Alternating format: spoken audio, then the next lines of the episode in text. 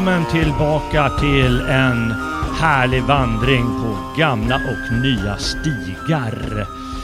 I första delen av vandringen tillsammans med Völvan och Oden när vi gick igenom Eddans dikt nummer ett, Völvans spådom, var jag och Robin tvungen att eh, göra halt krafterna tog helt enkelt slut och eh, vi var tvungna att pausa en vecka. Eh, innan vi kunde spela in nästa del, eh, vilket vi ska göra nu. Vi lyckades komma fram nästan till Ragnaröksavsnittet, eller lite före det. Eh, och eh, innan vi eh, kör igång så vill jag ju passa på att hälsa Robin Holmgren. Är du med, är du med mig idag? Jajamän. Ja, för det var nämligen så att du kastade in handduken förra gången. ja, det stämmer. Det blev jävligt sent alltså. Ja, det blev för sent. Va? Den var för lång helt enkelt. Och det var för mm. mycket citeringar, för mycket förklaringar, för mycket, var för mycket kärlek till dikten tror jag. Ja, det måste vara det. Kan det vara för mycket kärlek till Völusbå? Vete tusan alltså. Nej, men det är en av världens bästa dikter. Det, det måste ja. man eh, slå fast. Eh, I alla fall om man gillar visioner och, och liknande grejer. Absolut. Absolut. Eh, eh, och jag ska passa på att säga att eh, förra avsnittet, det var fritt tillgängligt för alla lyssnare och det gäller det här också. Och sen vill jag passa på att säga en sak till. Jag satt och gick igenom alla avsnitt, inte alla avsnitt, utan de råkade vara numrerade fram till nummer 90. Sen slutade numreringarna. Men vet du vad jag är uppe i nu förstås? Nej. Ja, men gissa då, människa. 140? Nej, nej ja, kanske med gamla, gamla avsnitt som vi körde under annat namn. Ja, men på, på stigan har vi kört eh, 100 vandringar. Åh, det är så Eller jag har gjort det i alla fall. Ja. Jäklar. Så skål för 100 vandringar. Skål. Mm, med den här i alla fall. Om vi, om vi lyckas ta oss igenom den, det vet man aldrig. Nej, men det ska vi väl göra. Ja, vem vet, eh, är du enhärjare så, så dör du väl liksom mot någon jätte eller någonting innan vi hinner färdigt. Ja, man kan ju hoppas. man kan hoppas va? ja, ja, du för världen. Ja, eh, vi ska snart sammanfatta vad vi gick igenom förra gången. Eh, men är det bara någonting du vill, eh, vill ha kommit på sen sist? Eh, som du vill meddela? Eller ska Nej, vi köra sammanfattning på en gång? Nej, kör sammanfattningen. Ja, vi gör det. Eh, Völvans spådom alltså som vi kom drygt, eh, drygt hälften kanske, eh, börjar förstås då med världens skapelse eh, där eh, då kosmos skapas och eh, dvärgarna och människorna skapas också genom gudarnas eh, omsorg. Det är framförallt Oden och hans två bröder som genomför det genom att eh, stycka upp urjätten Ymer och skapa eh, kosmos kan man säga utifrån det. Och eh, då kosmos utgör kan man säga av den här, det här vidunderliga trädet eh, Yggdrasil som vissa tolkar som en ask Mm. Och eh, eh, människor och, och dvärgar skapas, eller om det är dvärgar som på något sätt skapar skapar människornas materia. Men för att skapa dem på riktigt behövs det asagudar som ger dem ande och själ. Eh, och eh, sen får vi veta också att det finns nornor nere i Yggdrasil, bland Yggdrasils rötter rötter, eller vid en av dess källor i alla fall, och de spinner världens trå, ödestrådar. Sedan får vi höra lite om strider som fanns i forntider eh, och eh, det är framförallt då mellan asar och vaner. Och eh, vi, eh, de lyckas sluta fred så småningom efter en eh, konstig eh, händelse med en, eh, kanske en jättekvinna, eller vissa tolkar det som eh, eh Freja, den van, vanergudinnan som lärde orden och de andra sejdkonsten, det vill säga den särskilda sortens besvärjelsekonsten. Men eh, det är en kvinna som kallas Heid som eh, dödas, eller vad man ska kalla det för, rituellt i Asgård, eller där gudarna hänger i alla fall. Och eh, det är en lite mystisk eh, episod, eh, men vi gick igenom det så gott vi kunde förra gången. Och sen så spekulerade vi lite i de här ederna som bryts och en, en berättelse som finns kring det där är en jätte som lovar att eh, bygga Asgårds murar mot, eh, mot jättarna och andra läskiga väsen. Eh, mot betalning, mot Freja. Eh, och det går gudarna med på skojsamt, eh, de tror inte att han ska hinna, men sen så när det visar sig att han kanske klarar det så lurar de honom och, eh, och, eh, och Tor slår ihjäl honom sedermera. Och eh, de här ederna då som bryts, det skulle man kunna tolka som ett sorts brott i kosmos.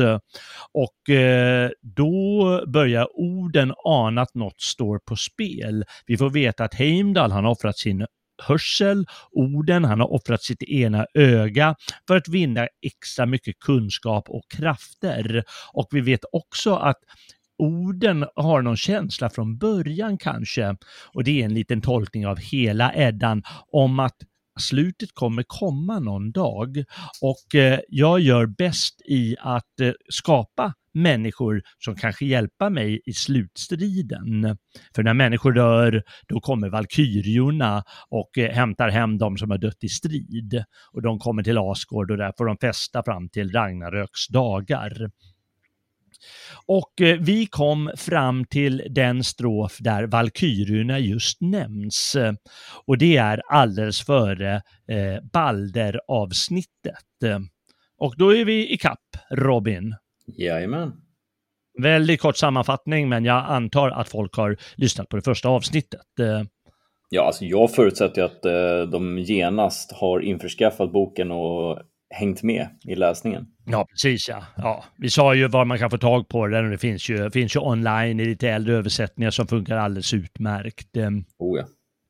Völvans spådom eller Völlusspå som den också kallas, och lite olika. Det kan man googla fram lite, lite enkelt. Ehm, men eh, nu kommer vi då till det, jag vet inte, vad ska jag kalla lite avgörande avsnittet. Eh, mm. Det som så att säga sätter igång Ragnarök. Och vem är Balder egentligen? Oh. Vill du ha ett rakt svar eller vill du ha ett uh, lite mer filosofiskt svar? Jag vill ha ett bra svar. det kan du inte få. uh, Nej, då vill jag ha ett filosofiskt svar. Balder är ju Odens son såklart, men men han mm. är eh, någonting mer än, än, än, bara en son. Han är ju hoppet. Mm. Han är ju eh, det vackra och det rena. Det, det ödmjuka eh, men ändå stridbara. Eh, han är det bästa ur ett folk med eh, fel och brister. Mm. Det är sant. Så att han, han gestaltar någonting, han, han gestaltar nästan eh, folkets essens. Skulle mm. jag säga. Alltså det, det, det perfekta, det rena. Eh, det gudomliga i viss mån. Mm. Eh, okay. Han är ju ändå den som kommer att härska efter Ragnarök. Eh, mm. Så att det här är väl en del av att det är alltid värt att överkomma motgångarna. Som, som Oden säger i, i um, Havamal så uh, en, en död man är bara en död man. Det finns alltid en anledning till liv. Uh, alla män kan alltid fylla en funktion. Uh, och det är väl det han blir slutsumman utav. Han blir resultatet okay. av en sådan strävan. Mm. individuellt men också kollektivt. Okej. Okay. Eh, lite av det du berättar nu, eh, det gör ju att eh, en del har tolkat det som en, lite av en Kristusfärgning. Mm, Nämligen ja, att du sa han... Vad sa du? Det förstår jag. Ja, det förstår man ju, för han, du sa att han, eh, du sa inte att han överlever Ragnarök, men han kommer härska efteråt, precis som Kristus då härskar efter eh, världens undergång i himlen. Mm. Eh, och han, eh, han, han, speglar det bästa bland, eh, hos eh, oss människor, det rena, det gudomliga, och han, han beskrivs som en ljusets gud och han är liksom den högsta gudens son och eh, liknande ingredienser. Eh, ja. Så direkt ska jag passa på att säga att det är väldigt många forskare och allt som säger att eh, oavsett om det är färgning eller inte färgning eller direkt påverkan så, så, så kan man lika gärna tolka det i hednisk mening, Balderfiguren, som att den sortens gud kan finnas oavsett kristendom. Ja, ja, självklart. Alltså det är, det, men det ena utesluter ju inte det andra liksom. Um, det, det, jag är lite, med, med åren så blir jag mer och mer allergisk med, med det här med att det inte ska kunna finnas några gemensamma beröringspunkter. Det vore ja, ju jättekonstigt om det inte fanns det. Det är ehm. självklart. Jag har ju den, eh, det delar jag med en del andra, eh, att eh, den föreställningen att den, de här människorna som, låt oss säga, typen Snorre Sturlason mm. och, och, även hans föregångare, kanske 100-200 år tidigare, kanske ännu tidigare, som de kände ju alla till eh, kristendomen. Ja, ja. För den har ju funnits eh, i Europa sedan 500-talet eh, kan man säga, har den funnits för germanerna. Eh, inte till, vad man kan kalla tillgänglig liksom och de har omvänts sakta men säkert, människorna. Mm. att de kan tänka samtidigt, de kan tänka två saker samtidigt. annars skulle de ju inte kunna vara kristna och berätta alla de här historierna. Nej, jag menar du har ju... Det skulle inte gå. Du har ju Mitras... Skulle ni bränna på? Ja, du, du har ju Mitraskulten från Persien som mm. Eh, dyrkades av eh, romare. Alltså romerska ja. legionärer var jättepopulärt. Eh, det betyder mm. inte att de avsade sig liksom Jupiter eller någonting sånt. Alltså det, Nej, det, religionen är ju så mycket mer färgrik än vad vi i vårt trista 1-0-samhälle kan föreställa oss. Liksom. Just det. Och eh, vi tror ju liksom för dogmatiskt på kristendomens dogmer som teori. Mm. Men mm. människor är ju inte så när de möter något sånt i praktiken. Nej. Man ska ju ha klart för sig att alla människor, utom hårdföra munkar och, och påven kanske, de tillbad ju små gudomligheter mm. lite här och var runt om i Europa, samtidigt som de var kristna, djupt kristna. Mm. Så trodde de på någon konstig tomtegubbar eller liksom heliga varelser som råkade finnas där de bodde eh, och liknande. Det, det, var helt naturligt för dem. De skulle aldrig... Det fanns ju förstås en del präster som försökte utrota sånt. Men de flesta präster tänkte, ja, ja nej, men det är klart att folk eh, tänker på det sättet. Låt dem ha sina tomtegubbar. Så det går att eh, tänka odogmatiskt. Eh, och det var de antagligen på den här tiden. Ja, jag tror det var vanligt att präster också tänkte en hel del på vad det fanns för, för väsen i skogen. Alltså folktro ja. som är en otroligt stark kulturyttring i detta land. Eller ja. var i alla fall, Va? men, men mm. fortfarande faktiskt till viss mån är. Mm. Eh, I alla fall på landsbygden. Eh, men det, det, var ju kyrkan med stort K som, som satte ner järnhälen. Eh, jag har svårt att se att det skedde på en lokal nivå. Eh, Exakt. Ja, och det, det skedde antagligen. Du har ju alltså eh, hedniska stenar som man offrade mm. till i Polen ända alltså in på 1900-talet tills då en, ett prästerskap där eh, högg in ett kors i stenen. Alltså det är liksom mm. det, det, är sånt här som har levt hur länge som helst, sida vid sida. Ja. Eh, så det ena behöver ju som sagt inte utesluta det andra, utan det är bara att bejaka den strömning som du dras till. Alltså mm. följ den gudomliga känslan inuti dig. Ja, precis. Och man ska ju veta att Edda-forskningen den är inte så jäkla gammal. Nej. Eh, det började ju på, på 1600-talet, men då var den ju lite så här, lite yvig och dan. Mm. Och lite mer vetenskaplig forskning har väl funnits i ett par hundra år. Eh, och eh, då, då har man ju, särskilt på senare tid, de senaste 50 åren, märkt när man studerat den här sortens muntliga berättelser, hur, hur de ändras mm. genom århundraden det går inte att undvika. Det finns ingen urvölluspå. Nej. För det funkar inte så. Ja, det är klart att någon har berättat eh, någonting en gång, men sen har det tillkommit nya verser. Och sen mm. så har nästa eh, Thule, alltså den gamla nordiska barden, han har ändrat lite och så har nästa ändrat lite annorlunda och så har de hållit på sådär. Så de ändras genom åren, de här berättelserna, eller de här dikterna. Mm. Och eh, då när de ändras, då kan de ju påverkas av saker runt omkring dem. Precis. För det, det är ofrånkomligt. Och sen kan man fråga sig hur mycket, eller hur mycket spelar, hur stor roll spelar det och så vidare. Mm. Men det blir ju mest spekulationer. Ja, men sen har du också kärnområdena, de är ju fasta. Um, alltså rashierarkin till exempel, det är en sådan mm. sak som alltid har mm. funnits. Eh, mm. Som också, alltså det finns så många biologiska aspekter av religionen som alltid är där. Eh, ja. I viss mån även oavsett vilken religion. Eh, men det har ju färgats av folket och kulturen såklart. Men ja. det, det, det, är den här eviga sanningen som får olika klädnader bara. Just det. Det är som...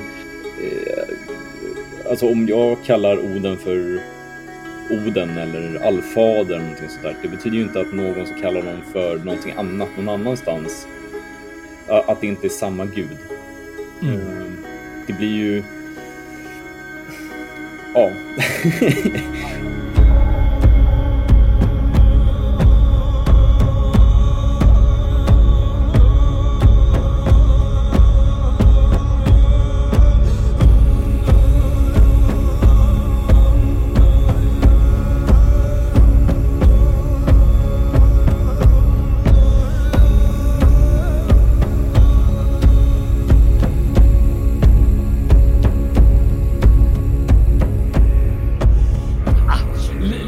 eh, lämna det där därhän. Nu har vi eh, eh ägnat lite väl mycket tid ja, åt det. Men det är fascinerande.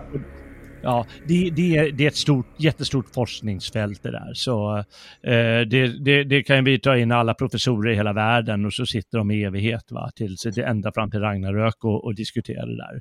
Mm. Så det, det, ska inte vi göra, vi måste gå vidare i berättelsen. Och innan vi eh, berättar så kan vi bara säga att Balder, han är nästan odödlig. Och det här är liksom ungefär som Achilles som har sin akilleshäl där hon doppade honom i en, i en helig eh, flod, men var ju tvungen att hålla någonstans i hälen så blev han osårbar förutom just där. Och i Balders fall så är det ju då att eh, eh mamman tyckte det här är så jäkla fin gosse. så så eh, de, asarna, eller deras kumpaner i alla fall, de gick runt bland alla världens eh, varelser både flora och fauna och eh, sa att eh, ni kan väl låta bli att eh, döda Balder va? och alla svor ner, nej vi ska inte göra det.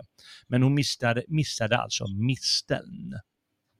Mm. Och det kommer då att utnyttjas. Och jag tänkte, jag kan ju börja läsa vidare.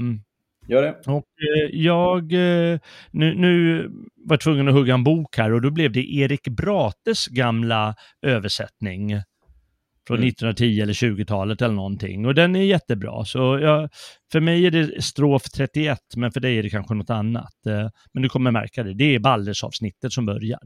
Ja. Och då går det så här. Jag såg åt Balder eh, och eh, för att påminna om förra gången så ska jag säga att den här jag är antagligen völvan som berättar. Jag såg åt Balder, blodige guden, Odens barn, ett öde gömmas. Högt över slätterna, smal stod vuxen och mycket fager misteltenen. Från det trädet som tycktes en telning vara, ett sorgeskott blev skjutet och skytten var Höder. Balders broder blev båren inom kort. Odensonen stred blott en natt gammal. Sina händer han ej tvådde, sitt huvud han ej kammade, förrän på bålet han bar Balders fiende. Men Frigg grät i fensalarna över Valhalls ve. Veten ni än mer och vad? Då, nej, vi kan stanna där. För då har han ju uppenbarligen dött Balder. Mm. Och vad är det som har hänt? Ja, kör på du. Jag försöker hitta vart fan du är någonstans. Jaha, okej. Okay. då kan jag avslöja det för dig. Eh, nej, men det, det, det, som händer är förstås att eh, hon ser hur Balder eh, dödas, eh, ett sorgeskott eh, eh genom Höders försorg, Höner, nej Höder. Eh, och därefter, eh, och ja, det kan vi säga, det står inte här, men det är alltså Loke som har lurat den här Höder som är blind att skjuta eh, på, eh, på Balder. För han är osårbar. Alla, de skojar om det där i Valhall och, och kastar spjut på honom och eh, skjuter pilar på honom och så händer ingenting. Mm. Men han eh, sköt då med den här mistel, en mistelpil. Och därefter eh, så Eh, är det att Odens sonen, att Oden föder en son och redan efter en natt är han vuxen nog att eh, gå i strid och döda Höder. Mm. Eh, och eh, ja, eh, kasta honom på bålet. Men Frigg gråter då i fensalarna för hon vet ju, känner förstås eh, vad som kommer att hända. Mm. Nu vet jag var du är någonstans. Jag var på nu vad jag är. Ja, jag var Precis. på Haugsboken. ja, eh, och då innan, precis, eh, strofen före Ragnaröks-delen. Eh, då, eller två strofer här, nummer 34 och 35 i min översättning här. Mm. Då kunde fängsel man vrida av Vales tarmar, ganska fasta voro fjättrarna snodda. I kedjor såg hon ligga under kittelunden en led skepnad med Lokes drag. Där sitter Sygyn i sorg och smaken, föga väl till mods. Veten igen mer och vad. Och det man ser då är förstås eh, att eh, Loke har blivit eh, fängslad eh, med Vales tarmar. Och nu kommer jag inte ihåg om Vale är, är det någon son till honom, Loke, eller eh, någonting liknande. I det här fallet. Det finns ju fler. Vale är väl hämnaren? Okej, okay. ja, i det här fallet kanske står att ja, strunt samma. Det bör vara någon släkting till, till honom i alla fall. Och han fjättras i Vales tarmar då. Eh, vad heter han? Eh, eh Loke. Eh, och eh, Sigyn, eh, hon står där med ett fat för han ligger fjättrad och då har de satt någon giftorm som ligger och droppar över honom. Mm. Och eh, då fångar hon upp dropparna, men någon gång blir ju karet fullt och då måste hon slänga bort det och då hinner det droppa lite under tiden. Och när det droppar, då ska tydligen, även om det inte står här, eh, världen eh, själva. När, när Loke får det här vad heter det, giftet på sin kropp. Mm. Och sen börjar alltså Ragnarök-avsnittet. Och varför, varför är det det här som leder till Ragnarök egentligen? Har du något svar på det? Ja du, eh, varför? Ja, du, du dräper ju eh, den livgivande kraften, essensen i folket. Så det är såklart Men... att det händer skit då. Mycket bra sagt. Det där är en tolkning jag gillar, att du, du, du dödar kraften i folket eller du dödar eh, sånt så som jag gillar, eh, fruktbarheten hos folket. Mm. Eller vad du vill. Ja, det vackra och det sköna. Mm. Och det rätta, det rättvisa, det pliktskyldiga. Det är ju också mm. väldigt intressant om man, om man drar lite längre då, eh, varför en hämnare växer upp på en dag. Mm. Det berättar ju lite om, inte bara om behovet av att snabbt agera mot en oförrätt, en, en orättvisa, mm. utan det visar ju också på kraften i eh, att hämnas. Ja, och det är ju inte alltid jättebra och det är ju inte heller det som är poängen. Poängen är ju att hämnden i sig leder ju sedermera också till Ragnarök. Ja. Eh, men det är bara liksom en, en, naturlig, en naturlig steg på vägen så att säga. Eh, mm. Men... Mm. på något sätt är det väl också att Loke har, vad ska man kalla det för, funnit hem. Att han har ju alltid varit den här dubiösa personen i Asgård, en form av jätte men eh, ändå inte alltid hemma där utan umgås i gudavärlden och hjälper dem. Och mm. ibland eh, hittar han på hyss med dem, eller vad man ska kalla det för. Eh, och nu visar han äntligen sitt rätta jag. Mm. Han har ju tidigare fött de stora, vad man kan kalla odjuren, Midgårdsormen, Fenrishulven som eh, eller ja, Fenrisulven och eh, Hel som tar emot de dödas själar, alltså inte de bästa döda utan de andra döda. Mm. Mm. Och eh, hur, eh, nu kommer alltså, nu börjar Ragnarök avsnittet efter det här och det nu kommer beskrivas eh, olika skrämmande delar av världen. Mm. Och eh, du kanske kan måla upp det för oss? Eh. Absolut. Från öster går en älv genom ätterdalar med svärd och knivar, Slid heter den. Norrut stod på Nidavallen en sal av guld för Sindres ett. En annan stod söderut i Åkolne, en ölhall gjord för jätten Brime. En sal såg hon stå, fjärran från solen, på Nåstranden, med dörren åt norr. Ätterdroppar föll in genom rökfånget. Huset var flätat av huggormsryggar. Där såg hon i strida strömmar vada, menedare och mordvargar, förförare som rövat andras flickor. Där sög Nidhögg dödingars lik, vargar slet män. Vet ni nu nog, eller vad? Det är en mm. rätt bister bild som målas upp. Ja, men det är det ju. För, och skälet till det, det är ju givetvis att eh, nu vaknar de till liv, de mörka krafterna. Mm. Antar jag det. Annars skulle det inte vara några... De har väl kanske funnits innan de här eh, eh delarna av världen, men det är nu man vill eh, med, blåser liv i dem, eller de, de får en roll i kosmos. Ja, jag har en fråga. I din mm. version, Eh, där såg hon i strida strömmar vada, menedare och mordvargar. Vad står det i din mm. översättning? Mm, menediga män och mm. för mord fredlösa och den en annans hustru hemligt lockar. Mm. Jag tycker det är intressant. V vad är det vi ska, vad är det vi förväntar oss när mörkret kommer? Jo, det är lögnarna som säger att de mm. talar sanning. Det är de som dräper. Och det är de som eh, förför eller rövar andras flickor. Mm. Jag vill bara poängtera att vi lever just nu i ett samhälle som premierar människor som ljuger. Vi släpper ut mördare på gatorna. Mm. Eh, och vi har inga som helst eh, svårigheter att förstå varför eh, barn inte ska ha TikTok.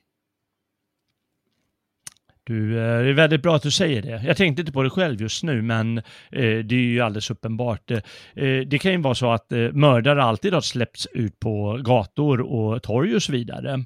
Mm. Att man inte alltid har brytt sig om det där. För vem, vem, vem ska göra allt det? Men däremot så känns det för mig ofta att man uppmuntrar till det här. Ja, ja. Uppmuntrar till det som, alltså Ragnaröks början. Mm. Och det är så vedervärdigt. Oh, ja. Det är vår tid i ett nötskal. Inget samhälle någonsin som har gjort det på det sättet känns som. Nej. Någonstans jag... i världen. Alltså förr i tiden så kunde du ju slå ihjäl sådana här galningar och, och grejer. Nu, Precis. nu, Precis, och du skulle vara rättfärdigad för det. Ja, just Ja. det. Men det gjorde ni rätt i, skulle man säga. Det Ja. var bra att ni gjorde det. Men nu får man straff istället, eh, när man Mm. gör så. Det visar ju också just att meneder kommer först. Mm. Eh, det säger ju också någonting. Eh, att de kommer nästan före eh, de eh, fredlösa dräparna så att säga. Mm. Eh, ordet betyder mycket. Ditt Mm. ord ska betyda mycket.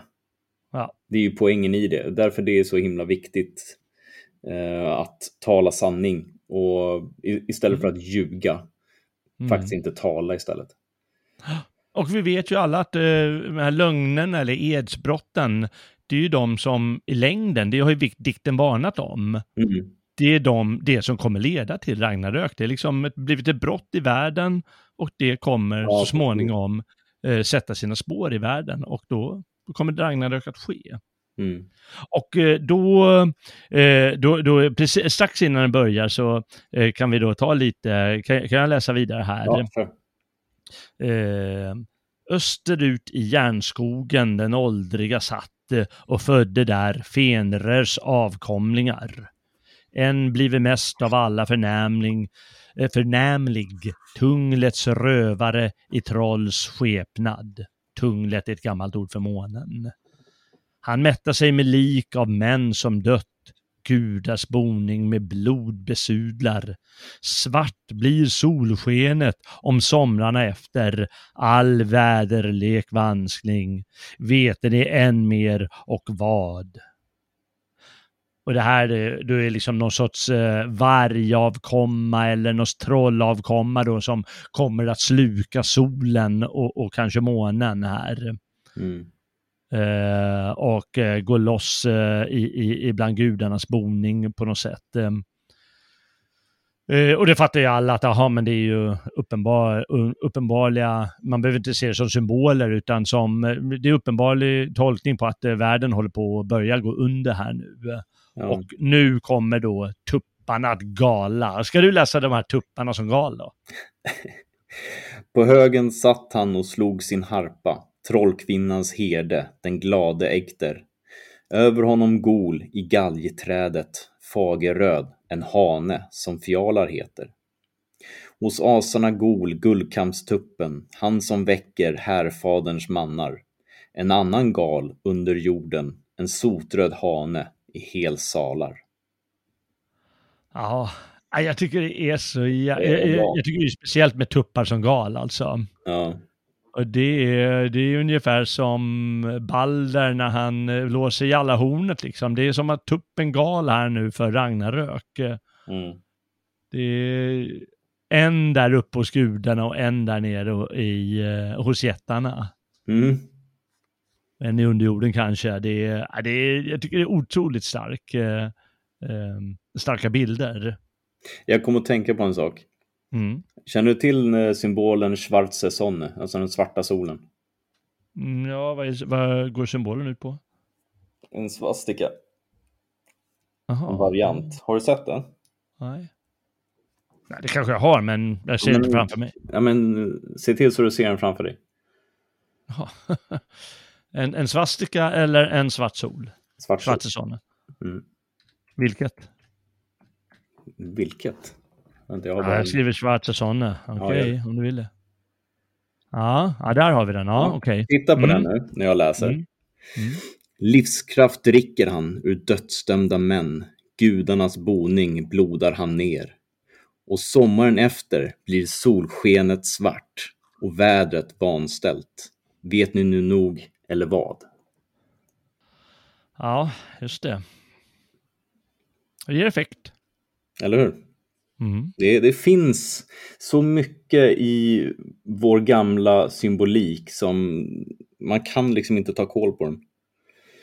Den bara finns där. Ja, men det är sant. Eh, eh, Jag ska passa på att fråga dig exakt var läste du? Ehm, 40, du läste den också. Jag läste den bara från Lönnroth. Mm. Jag tänkte det, att eh, men det där måste jag ha haft, men, det- men det måste vara den andra. Precis. Eh, Och eh, ja, det rullar ju på. Mm. Det rullar ju verkligen på här och eh, nu, nu, nu börjar det. Och nu börjar, nu kommer ett nytt kodord. Vi har hört det här, vet du än, eh, vet, ni, vet ni än mer och vad? Eller i Mm. lite olika varianter. Och nu kommer en ny som heter Garm skäller gräsligt framför Gnipahålan. Fjärten ska brista, fri varder ulven.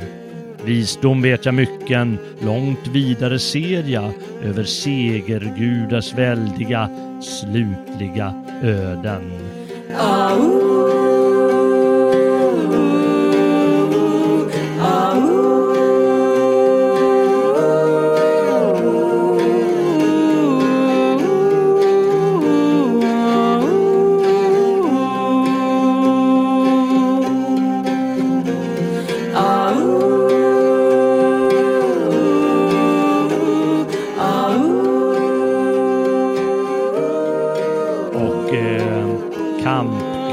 kampgudars öden eller något sånt där, det är ju vad Ragnarök betyder. Ja. Ja, vi kan till och med se vad det står här.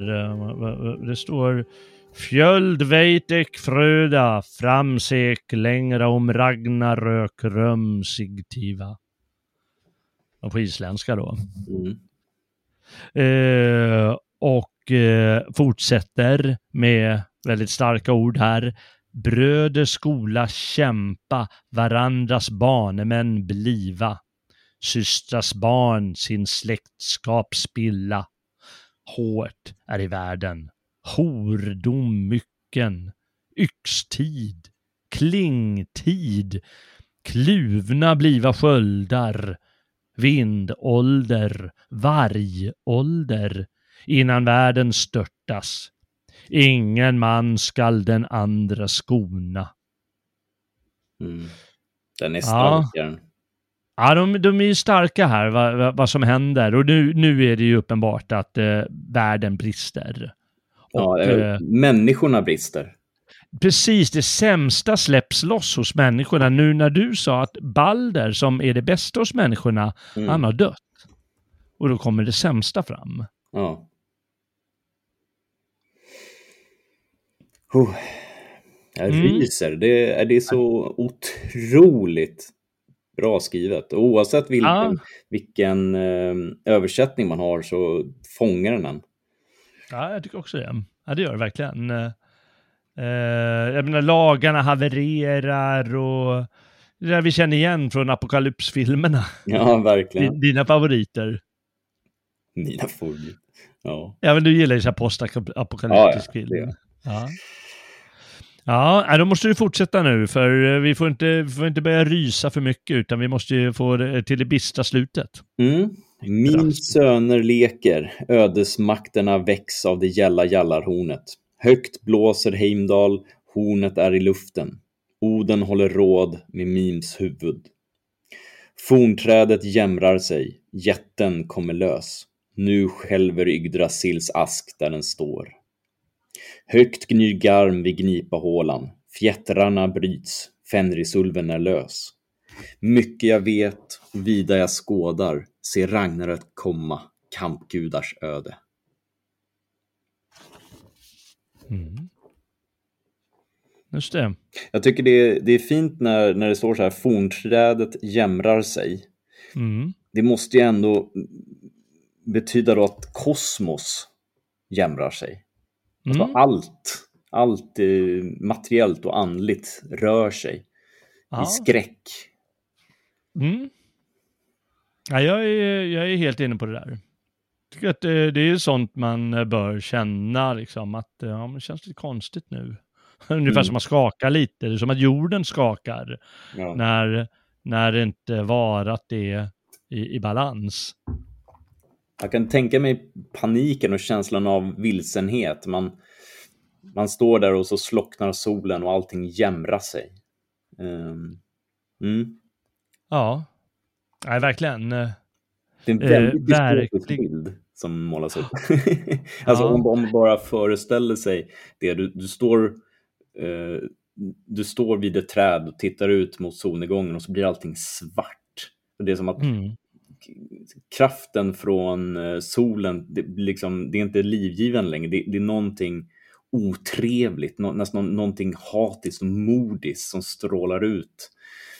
Eh, samtidigt som du känner att ditt innersta väsen jämrar sig under någon, någon obeskrivlig plåga. Mm. Ja, Nej, men det, det, det är något sånt där. Eh, då kanske det är bäst att det blir eh, liksom undergång av det hela om det är det som härskar. Ja. Jag vet inte.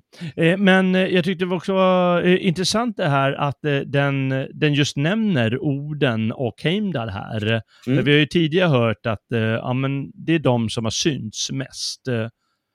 Heimdall ända från början, det handlar om Heimdalls söner, högre och lägre mm. eh, söner. Eh, och eh, vi har ju hört hur eh, Heimdall, han offrar sin hörsel och Oden sin, sin syn, eller sin bra syn i alla fall, genom att offra ena ögat. Eh, och nu är de tillbaka här. Det är Heimdall som blåser i hornet och det, eh, det är Oden som håller råd med Mim, eh, mm. Mims huvud, eller Mimes huvud. Eh, och sen sa du också jätten blir lös eh, och då brukar ju, det, det brukar ju ses som jätten Surt. Ja, eller Loke. Eldjätten. Eller Loke, ja precis, mm. eller Loke, ja just det. Nej men det är nog Loke som du säger, jätten blir lös ja. För jag läser en strof sen som, du, som inte var med i din. Mm. Eh, och det tror jag att det beror på att det är lite olika, eh, olika grundtexter. Eh, då står det nämligen på resan till Hel rädes alla innan Surts släkting, släkting slukar honom. Mm, mm. Och sen står det lite om vad är det med Asa, vad är det med Alver, men det kanske kommer senare hos dig. Mm. Ja, mm. det gör den. Just det. Eh, men då kanske du ska läsa vidare, för nu, nu börjar ju striden på allvar. Rym far från öster, rustad med sköld. Midgårdsormen vrider sig i våldsam vrede, slår upp böljor. Mens, i, mens örnen skrikande sliter i lik kommer nagelfar loss. Och eh, vi ska säga, vem är, vad är nagelfar då? Eh, det är en eh, båt byggd av naglar. Från de döda? Nagelfar. För övrigt ett jättebra ja. black metal-band från Sverige. Ja. Okej, okay, ja. Det är byggt alltså ner i hel, får man säga då, av de, av de dödas naglar. Och Rym eh, är då eh, Loke väl? Ja, det vet Eller jag inte. Det är det han för i alla fall. Jag vet inte vem. Ja, precis. Men han är med på skeppet i alla fall. Ja. Mm. Från öster seglar en farkost på havet med Muspels landsmän och Loke vid rodret. Med jättarna färdas Fenrisulven i följe med Byleis hemlystne broder. Mm.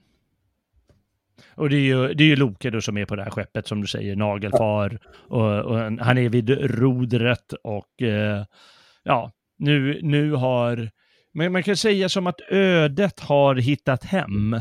Mm. Att nu är de alla vilka de är. Ja. Nu är de liksom de, deras, eh, jag menar, o, eh, Loke han har ju haft det här ödet och eh, nu, nu blir det, nu, nu, vad kallar man det för? Eh, det, det ödet förverkligas nu. Mm. Och samma sak med de andra gudarnas öden, de förverkligas nu. Ja. Och nu blir de sig mest själva kanske. Mm. Mm. Ska du fortsätta eller ska jag? För nu eh, Eh, jag tror att du fortsätter, för mm. eh, jag vet att de, de kastar om lite strofer och så en del. Så mm. fortsätt du. Vad sker med asarna? Vad sker med alverna? Det gnyr i jättevärlden. Gudarna är på tinget. Dvärgarna stönar bakom stendörrar. Bergens vismän. Vet ni nu nog, eller vad? Surt far från söder med svedande eld. Kampgudars sol från svärdet flammar. Högfjäll rasar, häxor störtar, folk drar åt hel och himlen rämnar. Mm. Mm. Eh, vi, vi ska lägga till Ja, det står ju faktiskt inte här. Eh, när man läser eh, Snorre och en del andra, de, de brukar gå ganska långt med det här med, eh, med eld och med is, att det, att det möts här någonstans. Mm. Eh, men det är en ganska vanlig kosmo, eh, kosmologisk uppmålning under medeltiden. Mm som det kanske har färgats av här, eller, eller inte. Att det kanske är Surt bara den här eldjätten som man är från tidernas begynnelse hos indoeuropeer eller något sånt. Ja, det, det, vet vi ju inte om de har färgats av lärda, eh, lärda människor på kontinenten eh, eller inte. Mm. Men, men Surt är i alla fall den här eldhjälten som kommer, eller eldjätten som kommer med sitt svärd och som kommer som typ var den sista. Mm som står på benen. Mm. Eh, ska jag köra vidare eller? Gör så. Ja, eh, ett andra lidande för lin då kommer när orden går mot ulven att strida och Beles bjärte bane mot Surt falla då skall Friggs älskade. Och eh, det är då, ul, eh, orden går ju mot Fenris, ulven. Mm. Eh, och eh, Frej, han går eh, för att strida med Surt. Och här står det ju också att Friggs älskare, det vill säga Oden, ska stupa. Mm. Och då fortsätter jag. Garm nu skäller gräsligt framför gnipahålan. Fjärten skall brista och fri blir ulven. Då kommer segerfaderns son, den väldige Vidar, att strida mot valplatsens odjur. På jättesonen till hjärtat svärdet med handen han stöter. Hämnad är då fadern. Då kommer Lodyns lysande ättling, Odens son, går mot ormen att kämpa. I vrede denne dräper värjaren av Midgård. Från sitt hem alla draga döda hädan. Nio fjät döende går Fjorgyns son fram från ormen som ofrejd ej fruktar. Och det är alltså, eh, det sista är Tor som strider med Midgårdsormen som lyckas eh, dräpa den men går därifrån nio steg innan han också faller död. Mm av striden. Eh, och Vidar är då Odens son som hämnas fadern genom att eh, dräpa Fenisulven. Mm. Mm. Och nu, nu kommer slutet. Och får jag ta den? Du... Ja, ta det. Solen blir svart, jorden sjunker i sjö. Från himlen störtar strålande stjärnor, röken bolmar från väldiga bål. Högt stiger elden mot himlavalvet. Högt gnyr garm vid gnipahålan, fjättrarna bryts, löser Fenrisulven. Mycket jag vet och vida jag skådar, ser Ragnarök komma, kampgudars öde. Det var den du läste förut. Ja, just det. Upp ser hon komma för andra gången, jorden ur havet, ljuvligt grön.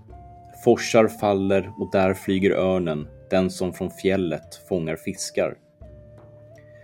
Asarna möts på Idavallen, språkar om mäktiga Midgårdsormen, minner varandra om märkligt som hänt och om Fimbultyrs forna runor. Mm.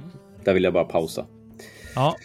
Så det vi ser nu det är att eh, jorden må ha fallit men den reser sig igen. Mm. Och, och, det som är väldigt spännande här också i slutet, det är ju att det de, det de pratar om, eh, märkliga saker som har hänt och om Fimbultyrs forna runor, alltså diodens ehm, eh, hemligheter mm. som de pratar om. Eh, inte bara tekniskt sett runor, utan eh, runa betyder ju hemlighet. Så att det är ju allt, hans totala kunskap som de pratar om. Vad var det han kunde? Vad var det han visste? Just det. Så att det, det är liksom betydligt djupare än vad man kanske tror när man bara läser. Liksom. Ja, ja, just det. Ja. Nej, men det är ju det är sån kunskap som man inte vill ska gå förlorad. Precis, de eviga I den nya världen. De som, de som försvann under Ragnarök mm. är ju de, de här hemligheterna till livet som de pratar om. Mm. Och, och, och, de gör ju det för att veta vart, alltså vart bär det hän? Vilken riktning ska vi ta? Vad, mm. vad finns det för principer vi kan luta oss mot? Ja. Ja, verkligen. Och orden, han är ju ändå laggivare på något sätt. Eh, ja. Och eh, kanske kan eh, tyda det bland de här runorna. Ja. Mm. Mm. Ska fortsätta? Eh, Vill du fortsätta? Nej, fortsätt du. Där skall åter de underbara guldtavlorna i gräset hittas, de som var deras i forna dagar. Osådda skall nu åkrarna växa, de onda bättras och Balder komma. På härfaderns kampplats skall Höder och Balder leva väl samman, vet ni nu nog, eller vad? Höne skall välja verktyg att spå med och brödernas söner skall bygga och bo i vindarnas vida värld, vet ni nu nog, eller vad? En sal ser hon stå, fager som solen och täckt med guld på Gimle. Skuldlösa människor skall där bo och leva samman i evig lycka. Där kommer den dunkle, draken flygande, dödsormen ned från Nidafjället. Med lik i fjädrarna flyger nu Nidhugg hän över slätten. Nu sjunker hon åter.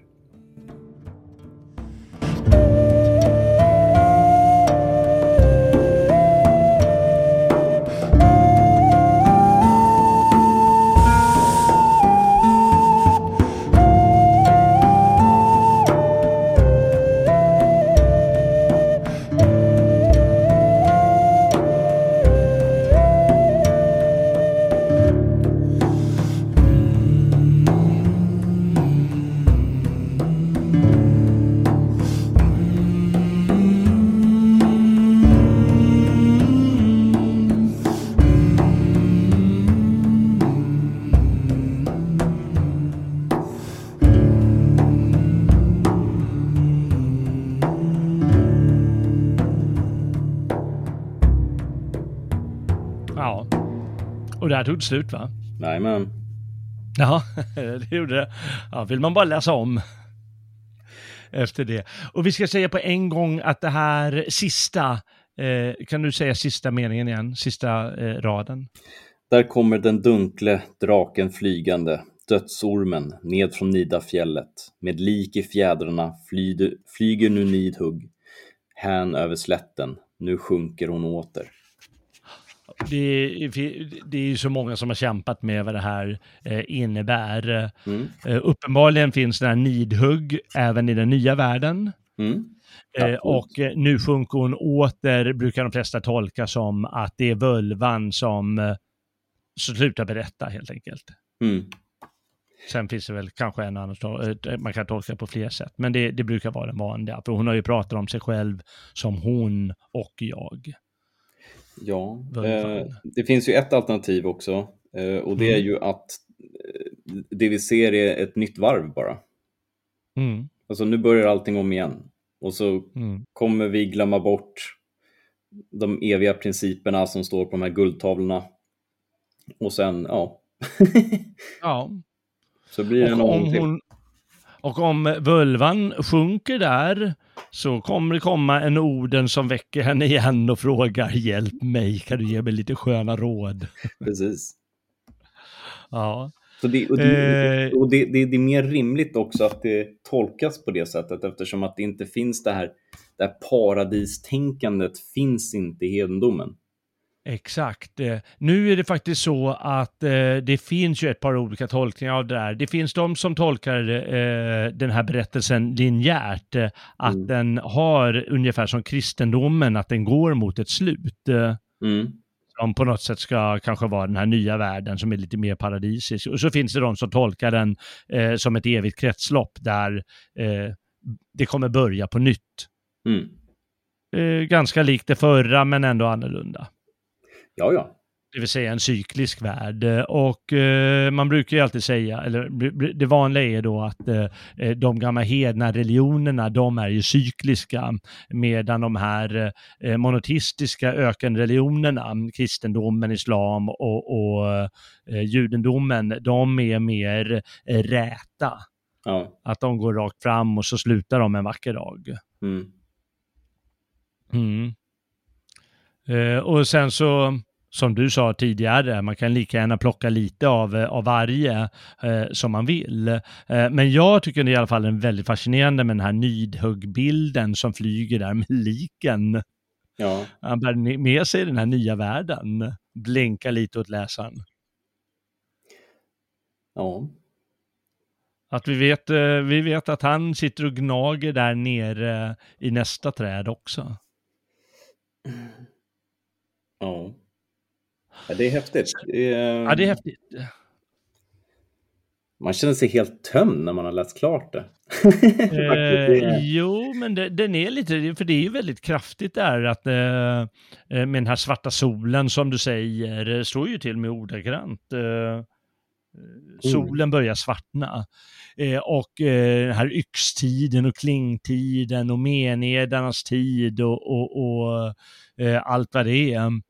Eh, där allt bryter samman. Eh, det är, det, liksom, det är starkt, det vänder sig hos en. Eh, mm. Och eh, antag, man, man, kan ju tänka sig att folk läste det här vid eh, viktiga tillfällen. Ja. Uh, ungefär som, uh, vad ska man ta det, de gamla shamanerna berättar om hur de måste dyka ner till eh, någon gud eller gå in i, i grottan och, och träffa en gu, gudinna och möta de här konstiga äventyren och så komma tillbaka som är liksom en, en sorts berättelse om hur, hur, hur, hur världen kommer tillbaka. Mm. Nämligen hur fruktbarheten, hur det en dag kommer börja gry igen även om vi har liksom haft torka nu det här året och det var ruttet, eh, så kanske det kommer tillbaka. Mm. För alla sådana shamanistiska och, och, och, de flesta hedniska religionerna har ju det i sig, en sån cyklisk gång där våren kommer tillbaka helt enkelt och fruktbarheten kommer tillbaka och en ny värld kanske föds. Men där man kan gå igenom de här svårigheterna. Mm. Och det är väldigt starkt. Det är liksom som att man töms som du säger. Ja. Och man berättar om för att eh, eh, jag vet inte, åskådliggöra eller bara göra en del av, av livet. Mm. Vi ska ju inte vara utan det. Nej, för Allt, Nej, måste ju ha det också. Måste ju känna att eh, världen är inte bara eh, en leende tumme upp-gubbe. Nej, vad tråkigt livet hade varit då. Ja, kanske. jag vet inte. Nej, men det, är så här, det, det, där är ju sådär, jag tycker du, du fångar det ganska bra faktiskt, uh, hur karaktärslöst det är. Alltså om, ja. om livet är en smiley-gubbe, du vet allting är bara toppen hela tiden. Alltså då lever mm. ju ett väldigt konstigt liv. Det mm. blir ju liksom så här, vad, vad är då meningen med livet? Att bara ha kul? Det ska bara vara tummen upp hela tiden. Ja. Alltså, ja, det är noll utveckling. Eh, du kommer ju aldrig lära känna dig själv eller ditt syfte om du bara lever ett sånt så här intetsägande liv. Liksom. Ja, ja. Bättre och även om du lever, lever motsatsen också, bara det hemska, ungefär som klimaträdslan. Ja, nej, för fan. Du bara lever i fruktan och Ragnarökskänslan, då, då, då funkar inte världen heller. Nej, nej, nej. Nej, nej. Nej och det är också onormalt. Alltså ja. båda de aspekterna. Det, det, blir så extremt att det liksom... Mm. Ja. Eh, jag tycker ju, för, för att sammanfatta lite, att eh, jag kan inte låta bli att gilla den här helhetstolkningen, hur eh, orden redan från början känner att eh, fan, det här kanske går åt helvete. Mm.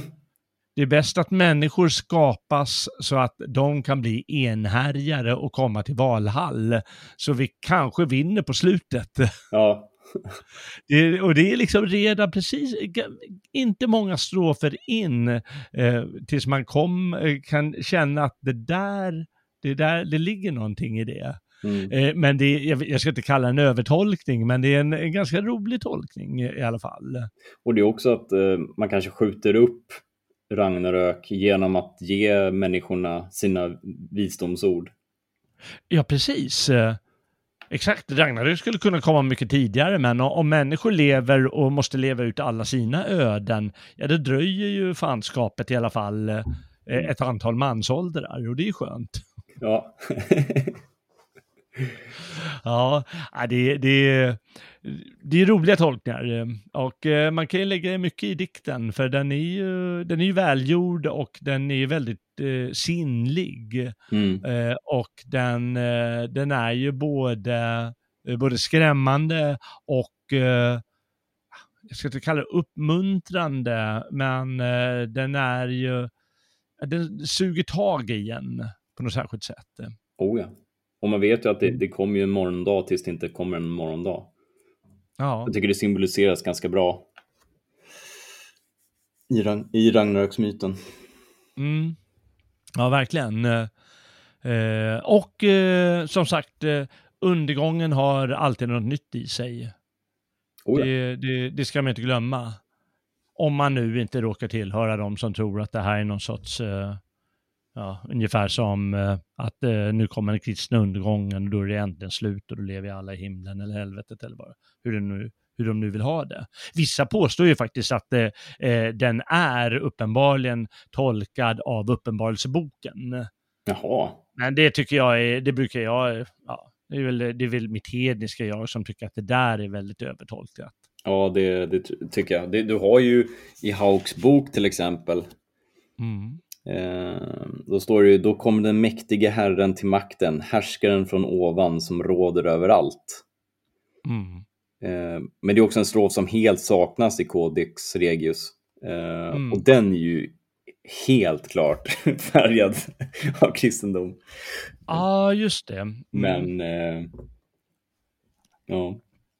Ja, men det är ju och det är inte så svårt att, att, föreställa sig det heller. Alltså, det är också så att om, alltså för de nordbor som var kristna så verkar det ju ganska rimligt då att den kristna guden tar över.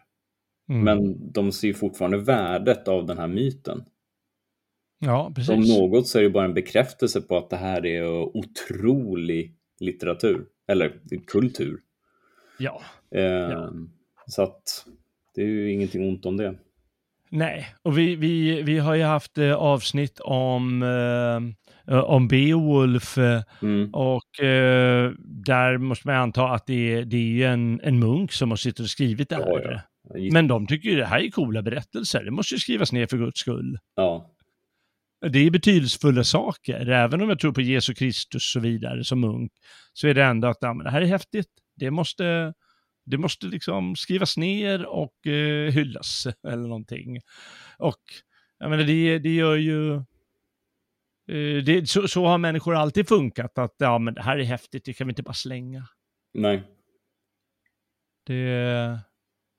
Nej, så det, det, är så det är. Va? Så det, det bevaras och det tas om hand och det skrivs ned eh, oavsett eh, vad man, eh, man har för tro. Sen kanske vissa fanatiker som tycker att eh, ja, men det måste slängas på elden och det, får, det måste rensas ut ur, ur världen och, och så mm. vidare. Men ja, ja, det, saker och ting brukar överleva ändå. Och tack och lov har ju det här överlevt. Alltså vilken, tänk om vi inte kunnat läsa det här. Ja, verkligen. Ja. Vilken skatt vi har. Ja, vilken skatt vi har. Eh, det, det, det, måste vi ändå... Vi måste ju framförallt tacka islänningarna för att de...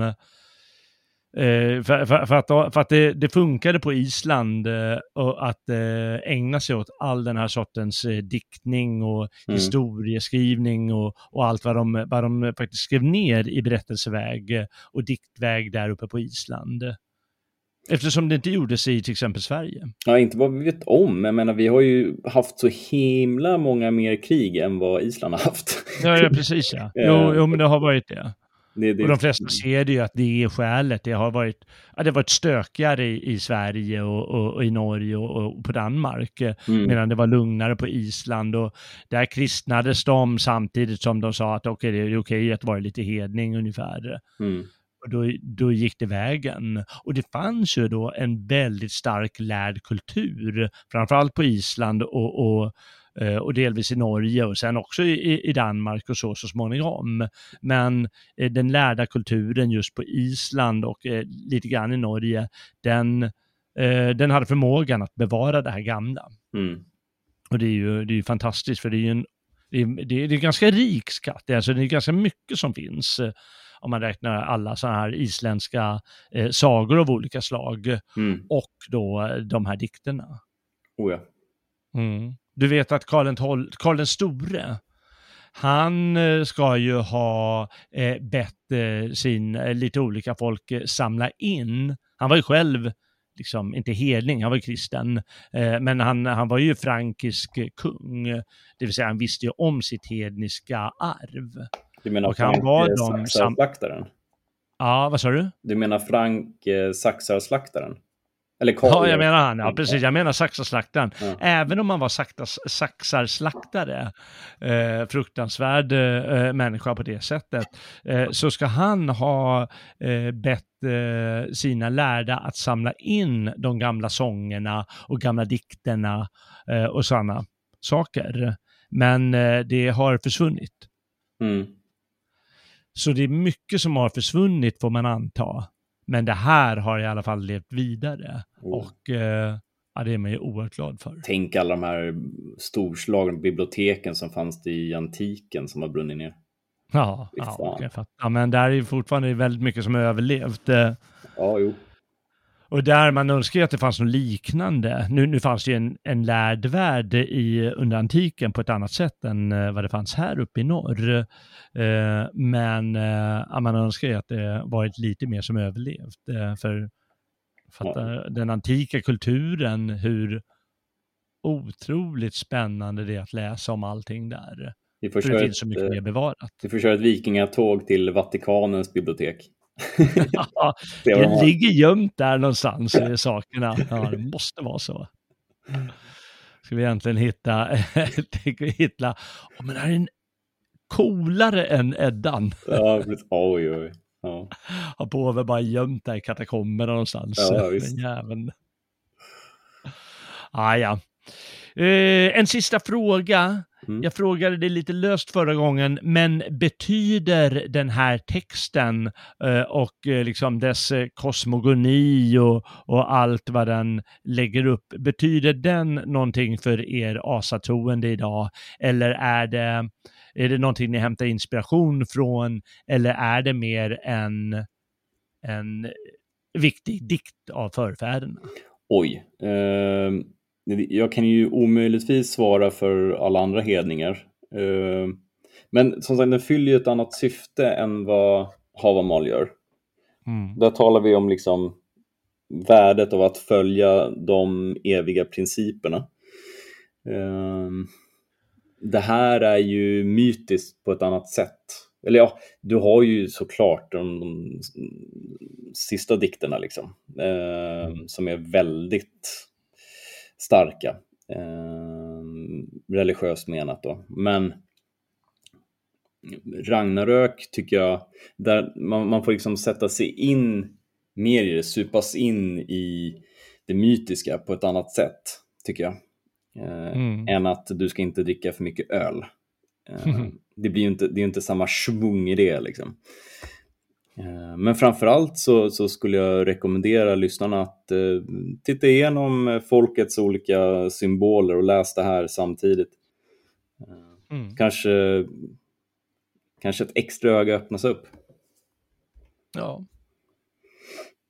Ja, Eh, ja, verkligen. Om inte annat så kan man alltid känna att eh, det här är hur du än vill vrida och vända på det. Jag antar att de flesta som lyssnar på det här är, eh, är svenskar.